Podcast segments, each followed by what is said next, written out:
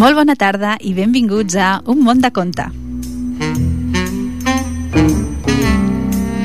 Com sempre, el programa que fem jo mateixa, la Marviera, i el control tècnic, en Jordi Puy. Ens trobem al 91.3 de la FM, a l'emissora municipal, i, com sabeu, ens podeu també trobar a www.ripolletradio.cat.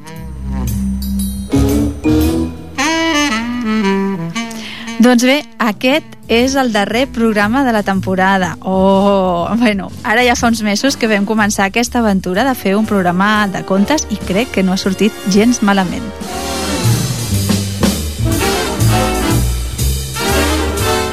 Però el programa d'avui no serà menys i per això portem un programa ben interessant.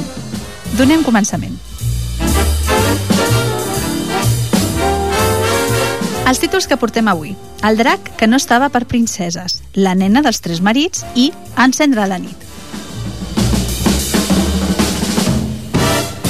A la part musical, els xambao. Volveré a encontrarme con vosotros. Chambao, que és una paraula d'origen malagueño i que s'utilitza per referir-se a un espai fet amb senzillesa, amb una totxana de fulles de palmera normalment i pals de fusta, que s'aixeca com un refugi on allà el senyor Espetero cobreix el seu cos del sol i del vent per cuinar les sardines i altres peixos. I també és el nom d'un grup mmm, doncs, bueno, amb la veu de la Maria del Mar Rodríguez Carnero, més coneguda com la Mari.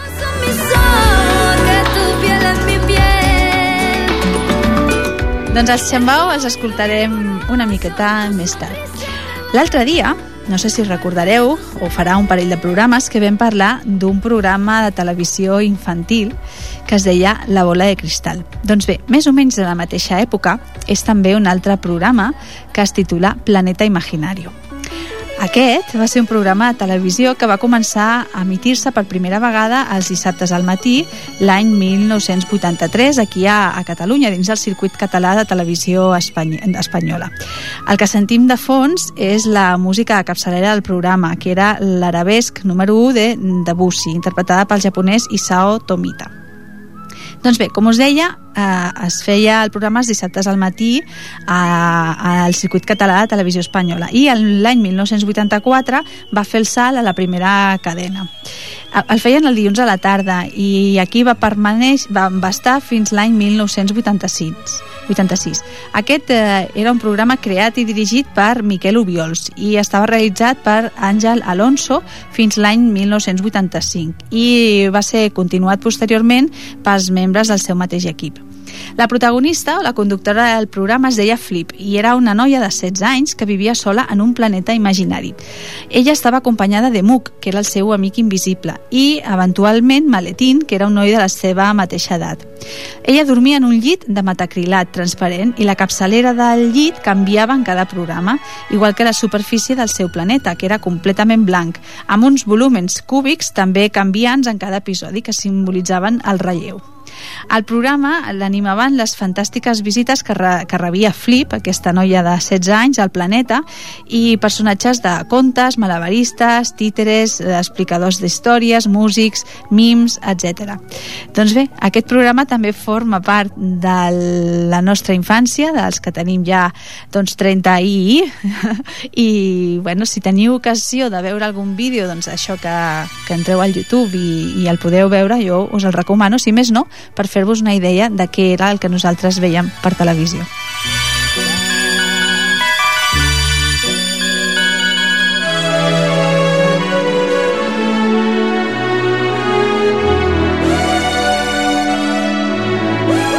Doncs comença- començarem amb la primera història que portem avui, que és El drac que no estava per princeses. Aquesta és una història de la Roser Ros i diu així. Un, dos, un, dos, tres, pam. Una vegada hi havia un drac. Estava cansat de fer de guàrdia de princeses i d'haver de lluitar contra cavallers armats que apenes el veien se li tiraven al damunt i el deixaven mig baldat i ple de ferides. Així és que un bon dia decidí anar-se'n lluny ben lluny, on ningú no el podia conèixer. Va caminar durant set segles i va deixar darrere castells i palaus, muntanyes i valls. Quan va arribar a una gran ciutat, la gent se'l mirava amb cara d'espant, però ell, tristras, seguia caminant com si res. Cansat com estava, es va aturar en un banc d'un passeig. Des d'allà, mirava la gent passar. Un noi amb un transistor a la mà caminava pel passeig. En anar a seure's, s'adonà del drac. Va fer un bot formidable i va fugir. Cames, ajudeu-me! I va deixar el transistor en marxa. El drac tenia molta gana, moltíssima gana. Imagineu-vos, feia set segles que no havia tastat res i d'una mossegada es va engolir el transistor. Com que era molt dur, va anar a fer una volteta per afavorir la digestió. La gent deia desconcertada «Oh, un drac! I no trau foc! Aquest trau música!» Però el drac no estava per a res, volia anar a seure. Uns nois i unes noies no paraven de jugar a la corda. A la una, el sol i la lluna anaven cantant. En descobrir el drac, no li treuen l'ull de l'amunt per si de cas. Ara, la colla de nois i noies ha parat de cantar. Música! Si surt de la panxa del drac! I es van acostar poquet a poquet. De primer, s'estrenen els més atrevits. Li passen la mà per les escates, per la cua, per les ales, i el drac llança un sospir ple de tendresa. Ara ja fa estona que la colla juga amb el drac i s'ho passen d'allò més bé. Mai no havien tingut un company de joc tan estrafolari com el drac, ple de racons, de baixadetes, de llocs per jugar a amagar-se. També el drac està molt content, s'ho passa molt bé. El transistor segueix funcionant. Un dia o l'altre se li acabaran les piles. Però això, què més fa si el drac està de lo més content? Ya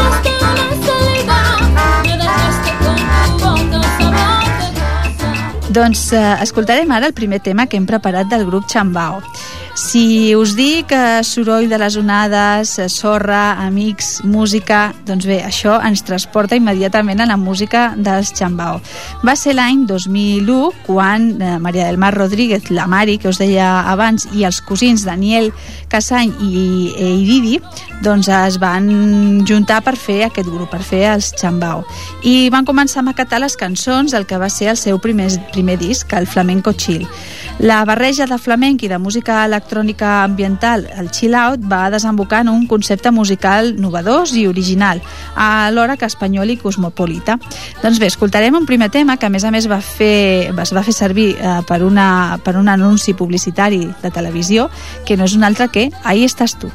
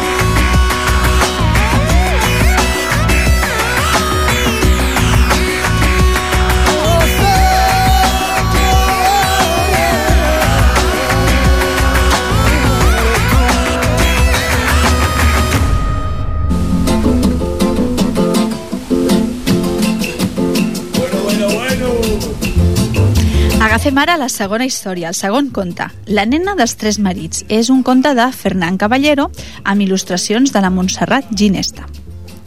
Una vegada hi havia un pare que tenia una filla molt bonica, però molt feta a la seva i molt tossuda. Se li van presentar tres xicots, tots trets, tots tres d'allò més ben plantats, que li van demanar la mà de la noia. Ell va respondre que tots tres tenien el seu beneplàcit i que preguntaria a la seva filla quin d'ells preferia. Així ho va fer, i la noia va respondre que tots tres. Però, filla, això no pot ser, va dir el pare. Els trio tots tres, va insistir la noia. Sigues raonable, dona. Digues a quin d'ells dono el sí. A tots tres, va tornar a respondre ella, i no hi va haver manera de desdir-le'n. El pobre home, molt amoïnat, va anar a dir als pretendents que la seva filla els volia a tots tres, però que com que això no era possible, ella havia determinat que se n'anessin a Corramont tot buscant una cosa única en la seva espècie, i el qui portés la més bonica i la més rara seria el que es casaria amb la noia. Es van posar en camí, cada un pel seu cantó, i al cap de molt temps es van tornar a trobar a l'altra banda de la mar, en terres llunyanes sense que cap d'ells tres hagués trobat encara cap cosa bonica i única en la seva espècie. Mentre estaven en aquestes tribulacions, sense deixar la recerca, el primer que havia arribat es va trobar un vellet que li va dir si volia comprar un mirall petit, petit. Li va respondre que no, ja que un mirall tan remenut i tan lleig com aquell de res no li podia servir. Aleshores el vellet li va dir que el mirall tenia una gran virtut, i era que s'hi veien les persones que el seu amo desitjava veure-hi. I havent comprovat que allò era cert, el jove li va comprar el mirall pel preu que li va demanar. El que havia arribat al segon, en passar per un carrer, es va trobar amb, ell, amb el mateix vellet, que li va preguntar si volia comprar un pot de bàlsam. «Per a què m'ha de servir aquest bàlsam?», va demanar el noi. «Qui sap?», va respondre el vellet, «perquè aquest bàlsam té una gran virtut, que és la de fer ressuscitar els morts». En aquell moment s'esquella passar per allí un enterrament. El jove es va acostar a la caixa, va tirar una gota de bàlsam a la boca del difunt i aquest es va aixecar com si res, es va carregar la caixa a l'esquena i se'n va anar a casa seva. En veure això, el segon pretendent va comprar el ballet del seu bàlsam pel preu que li va demanar. Mentre el tercer dels, pre dels pretendents es passejava tot capficat per la vora del mar, va veure arribar per damunt de les ones una arca molt gran, la qual es va apropar a la platja, es va obrir i en van saltar en terra una infinitat de passatgers. L'últim dels passatgers, que era un vellet, se li va acostar i li va dir si volia comprar-li aquella arca. Per què la jo, aquesta arca? va dir el pretendent. Si no pot servir per a res més que per fer-ne una foguera. No, senyor, va dir el vellet, que posseix una gran virtut, la de portar en poques hores al seu amo i els que amb ell s'embarquen fins allà on volen anar. Si voleu comprovar-ho, pregunteu a aquests passatgers que fa ben poc es trobaven a les platges de l'altra banda del món. El cavaller va preguntar als passatgers i va comprar l'arca al vellet pel preu que li va demanar. L'endemà es van reunir tots tres i cada un va explicar molt satisfet que havia trobat una cosa singular i que es disposava, doncs, a tornar al país. El primer va dir que havia comprat un mirall on es veia només desitjar-ho la persona absent que es volia veure i per demostrar-ho va ensenyar el mirallet i va desitjar veure la noia que tots tres estimaven. Però quin esglai no van tenir quan la van veure morta i estirada en un taüt. Jo tinc, va dir el que havia comprat el pot, un bàlsam que la ressuscitarà però quan hi arribarem ja serà enterrada i se l'hauran menjat dels cucs. Doncs jo tinc, va dir el tercer, una arca que en poques hores ens traslladarà a casa. Aleshores van cuitar embarcar-se a l'arca i al cap de poques hores saltaven en terra i s'encaminaven al poble on s'estava la noia morta i el seu pare. Van trobar el pare desconsolat per la mort de la seva filla, que encara estava de cos present. Li van demanar que els portés a veure-la i quan van ser davant de la difunta, el qui tenia el bàlsam se li va acostar i li va tirar unes gotes damunt dels llavis. Tot seguit, la noia es va aixecar del taüt feliç i contenta i dirigint-se al seu pare va dir «Ho veieu, pare, com els necessitava a tots tres?»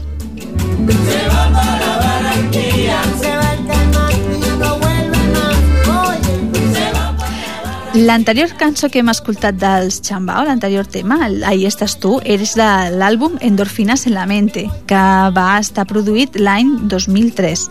I posteriorment van, van crear l'àlbum Poquito a Poquito, que és del 2005, i del que hem estret el següent tema que escoltarem, que no és el, un altre que el que porta el mateix títol, Poquito a Poco. por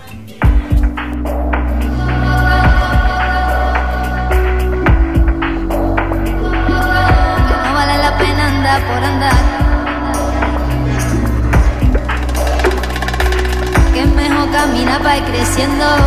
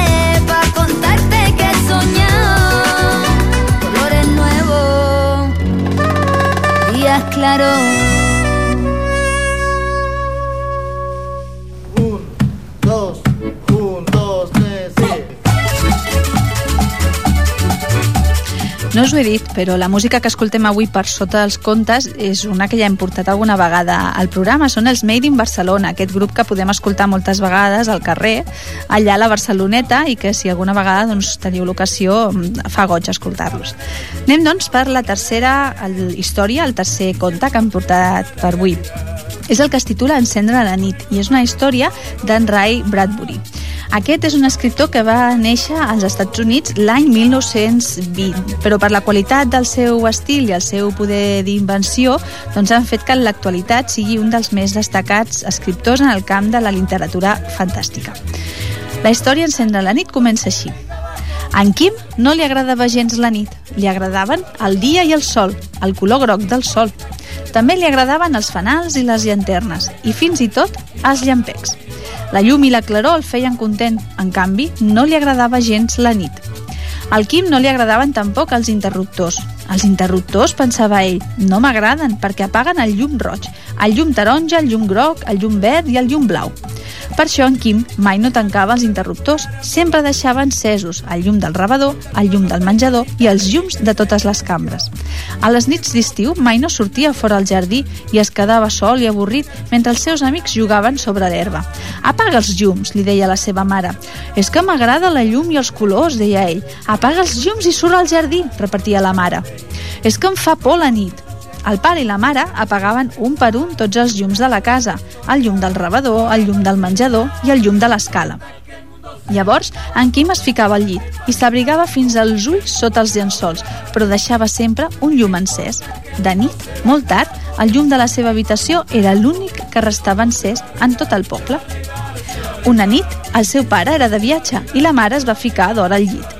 Aleshores, en Quim, tot sol, va començar a obrir un per un tots els interruptors i va encendre tots els llums de la casa. El llum del rebedor, el llum del menjador, el llum roig, taronja, groc, verd i el llum blau. Ai, quina claror, va pensar en Quim. Tota la casa és ara il·luminada. Tot i així, quan mirava per la finestra i veia els seus amics que jugaven damunt la gespa, se sentia més i més sol, més i més avorrit. Fora tothom reia i corria. La nit els envoltava i ningú no tenia por. Una nit en Quim va sentir un soroll a la finestra. Què podia ser? Hi havia alguna cosa a la foscor? Hola, era la veu d'una nena que estava parada al mig de la llum blanca, de la llum groga i titilant. Em dic Negra i he entrat per la finestra. I tu com et dius? va preguntar ella. Em, em dic Quim, va dir ell, molt sorprès. No és gens estrany que es digui negre, va pensar en Quim. Té els cabells negres, els ulls negres i porta un vestit tot negre, amb sabates també negres. Però la seva cara és blanca, com la lluna. Estàs molt sol, va dir ella. Sí, és veritat. M'agradaria córrer amb els meus amics allà fora, però és que saps què em passa? No m'agrada la foscor, no m'agrada la nit. Jo t'ensenyaré a encendre la nit i sereu bons amics, va dir ella. Encendre la nit? Què vol dir això? Ara ho veuràs, va dir ella, i tot seguit va tancar tots els interruptors. Quan apago els llums, encenc els raigs de llum dels estels. Caram, no ho hauria dit mai, va dir en Quim. Tu i jo podem encendre la nit, podem encendre els estels, els lluminosos estels, els blaus estels. En Quim va arrufar el nas i va dir «Tot el que dius és molt bonic, però mai no ho havia sentit». En Quim, bocabadat, mirava al cel i només repetia «Oh, caram, caram, vols que t'ensenyi a encendre la nit?» «I tant que ho vull», va dir en Quim. «Tot això és fantàstic. Ara ja no tinc por de la foscor». «Som-hi, vinga», va dir ella. «Encendrem la foscor del cel». Llavors, tots dos van apagar els llums de la casa i van encendre la llum dels estels i de la lluna blanca, que semblava un gelat. «Ei, espavila't!» va dir ella. «Sortim a fora». Qui pot veure els estels amb el llum encès? Ningú. Qui pot veure la lluna amb el llum encès? Ningú. Qui pot escoltar els grills amb el llum encès? Ningú. Fixa't quantes coses t'has perdut. Havies pensat alguna vegada que podies encendre els estels i la gran lluna blanca? Havies pensat alguna vegada que podies encendre la cuca de llum i els cants dels grills i de les granotes? Caram, mai no ho havia pensat això, va dir ell. El cel és com una casa, va dir ella, i s'il·lumina amb la llum dels estels i de la lluna. Quan tu i jo apaguem el llum, encenem també la nit. Encenem els estels i la lluna blanca. Quan tu i jo apaguem el llum, encenem la cuca de llum i els cants dels grills i les granotes. Mentre que ella parlava, en Quim no deia res, només badava uns ulls com unes taronges. Després en Quim va preguntar i puc encendre la nit sempre que vulgui? Sempre que apaguis els llums encendràs la nit, va contestar ella. Et quedes a jugar amb nosaltres? No, no em quedo pas. Me'n vaig. Ara ja no tens por de la nit i pots jugar fora al jardí, va dir ella. En Quim volia insistir i dir-li que no marxés, però de cop i volta ell havia desaparegut. Fins una altra! va cridar en Quim, no gaire segur que ell el sentís. Adeu! Des d'aquell dia, en Quim li agrada el dia i el sol, el color groc del sol, els fanals i les llanternes i la llum de colors. Però li agrada també encendre les llums de la nit, la llum blava dels estels i la llum blanca de la lluna.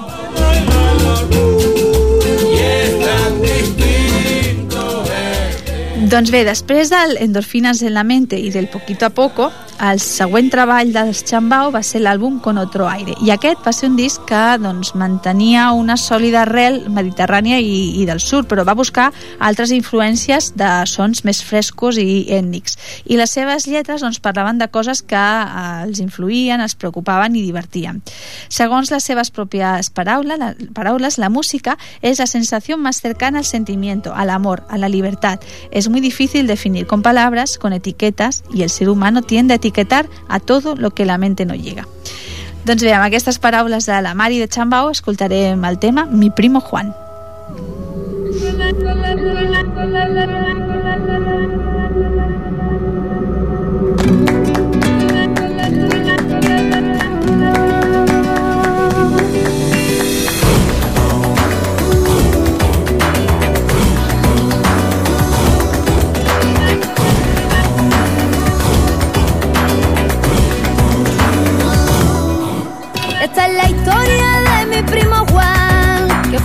porque se encontraba mal. Los doctores que le vieron todos los días y ninguno le decía que tenía. A dieta lo pusieron, le reposó en la cama, frutita todos los días y tres botellitas de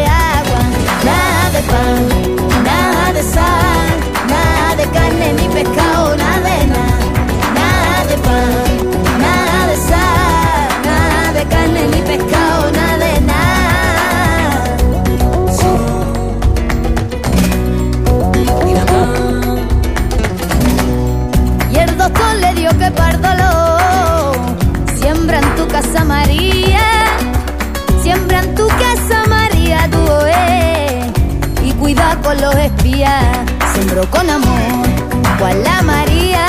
Oh, Lo cogió y se lo quitó toda la policía. Y como él seguía queriendo fumar Salió a la calle para comprar. Nada de pan, nada de sal Nada de carne ni pescado, nada de Nada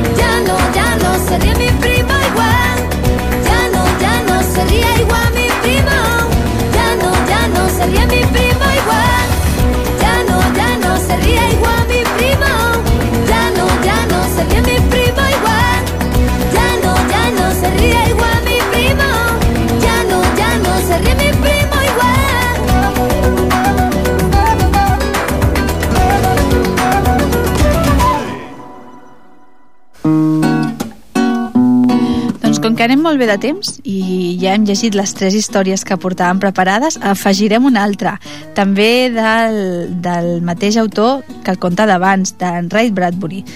Es titula Els arbres que sabien enraonar. Vaja, em sembla que m'he perdut, va dir en Roger. Sospira, va seure sobre un tronc i va mirar els arbres. Eren tots iguals, tots grans, alts i gruixuts. No sabia distingir un arbre d'un altre. No podia trobar el camí de sortida. Sí, em sembla que m'he perdut, tornà a dir.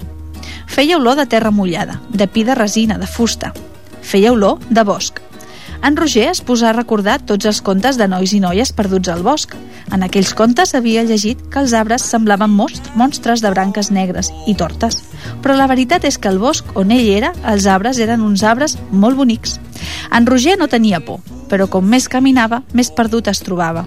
Quan es va fer de nit, en Roger estava molt cansat. Va recollir unes branques de terra, les va posar unes a sobre de les altres i va encendre un bon foc. Feia fred. A poc a poc les branques van començar a cremar. Les flames van ser cada vegada més altes i més vives. En Roger va somriure i va seure a terra, mirant les flames. No tenia fred ni por. Al cap d'una estona es va aixecar. En Roger volia tallar una branca de l'arbre que tenia més a prop per, per remenar el foc. No la tallis! va cridar una veu forta. Qui ets? va preguntar en Roger, que no s'havia espantat. Soc el Freixa, no em tallis la branca. Per què la vols? Per remenar el foc. Té, va dir la veu, i des de dalt va caure una branca en forma de forca, que era la millor per remenar el foc.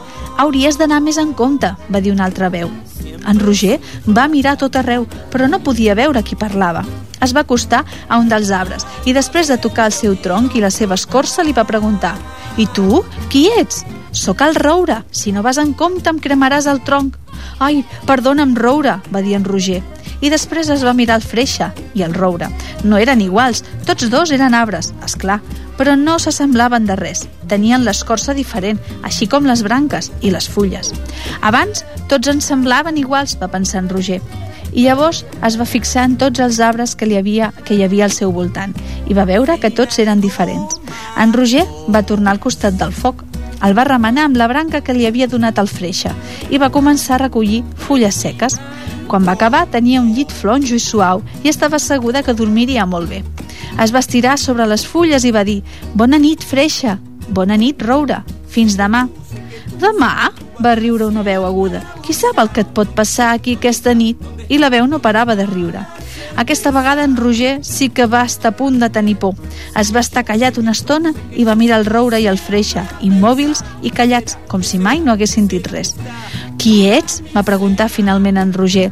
Soc l'Alcina, va respondre la veu aguda sense parar de riure. No diràs que no t'he avisat? Hauries d'anar-te'n d'aquí tan aviat com puguis. És que no sé el camí i estic tan cansat i m'agrada aquest lloc i no tinc por. No té por, ja saps que el que passa a la gent que dorm en aquest bosc? No, va respondre en Roger, no ho sé. No ho sap, va cridar l'Alcina i va començar a riure tan fort que en Roger es va tapar les orelles.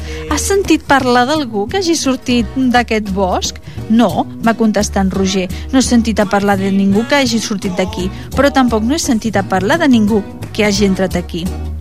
Has passat molt bé la prova, va dir una altra veu. Qui ets? va preguntar en Roger. Soc el Pi. Has passat la prova del bosc, la gran prova. No s'ha de tenir por, és la nostra llei. Llavors la Sina va tornar a riure, però aquesta vegada les seves rialles no eren esgarrifoses. Eren un riure amable, encara que no era suau. Però com podia ser suau el riure d'un arbre que fa més de 10 metres d'alçada i que té un tronc que no pots abastar amb els braços per molt que t'esforcis? No s'ha de tenir por, van repetir a cor, a cor tots els arbres del bosc i va semblar com si bufés un gran vent. Està bé, està bé, va dir en Roger, però ara voldria dormir. Dormirem tots, va dir una veu molt més forta que les de més i que fins llavors no s'havia deixat sentir. I qui ets tu? va preguntar en Roger. Soc el faig, va respondre. Soc el rei perquè sóc més vell que qualsevol de nosaltres. I quan aquest bosc no era més que un matoll i el freix enca era encara molt petit, fa molts, moltíssims anys, jo era aquí i era gran i poderós com ara. Soc el rei perquè conec totes les lleis del bosc. Van callar i en Roger es va dormir. Durant la nit els arbres van deixar caure fulletes a sobre d'ell i al matí es va trobar tot tapat i va comprendre per què no havia tingut fred, malgrat que la nit és molt fresca al bosc.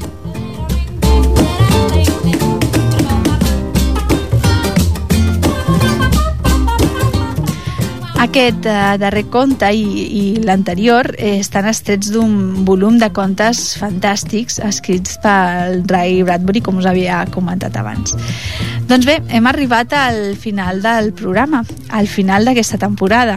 Espero que us hagi agradat eh, molt el nostre programa. Espero que torneu a escoltar-nos la propera temporada, que esperem que nosaltres estarem aquí amb vosaltres i, sobretot, esperem que continueu escoltant Ripollet Ràdio, la nostra emissora municipal. Avui hem tingut un espectador de, lux, de luxe, que no és un altre que el Ramon Argenter, que el tenim aquí a l'estudi, ens saluda amb, amb la mà. I la veritat és que és un luxe tenir-lo aquí amb, amb nosaltres perquè ell és un dels veterans de la ràdio, és un dels veterans de Ripollet Ràdio i sempre doncs, és, és agradable tenir-lo amb nosaltres. Doncs bé, com us deia, espero que continueu amb nosaltres a Ripollet Ràdio, l'emissora municipal. Moltes gràcies, Jordi, per avui, per tots aquests mesos de feina que, que hem tingut. Un record pel Fran Lledó, que també havia estat amb nosaltres, un petó des d'aquí. I res més, jo us deixo amb un tema dels Xambau, que us haig de dir que és un dels meus grups eh, preferits, és el que es titula Los muchachos de mi barrio, un altre cop de l'àlbum Endorfinas en la mente. Bona rebella, bon estiu, una abraçada ben forta, un petó i que sigueu feliços. Fins aviat.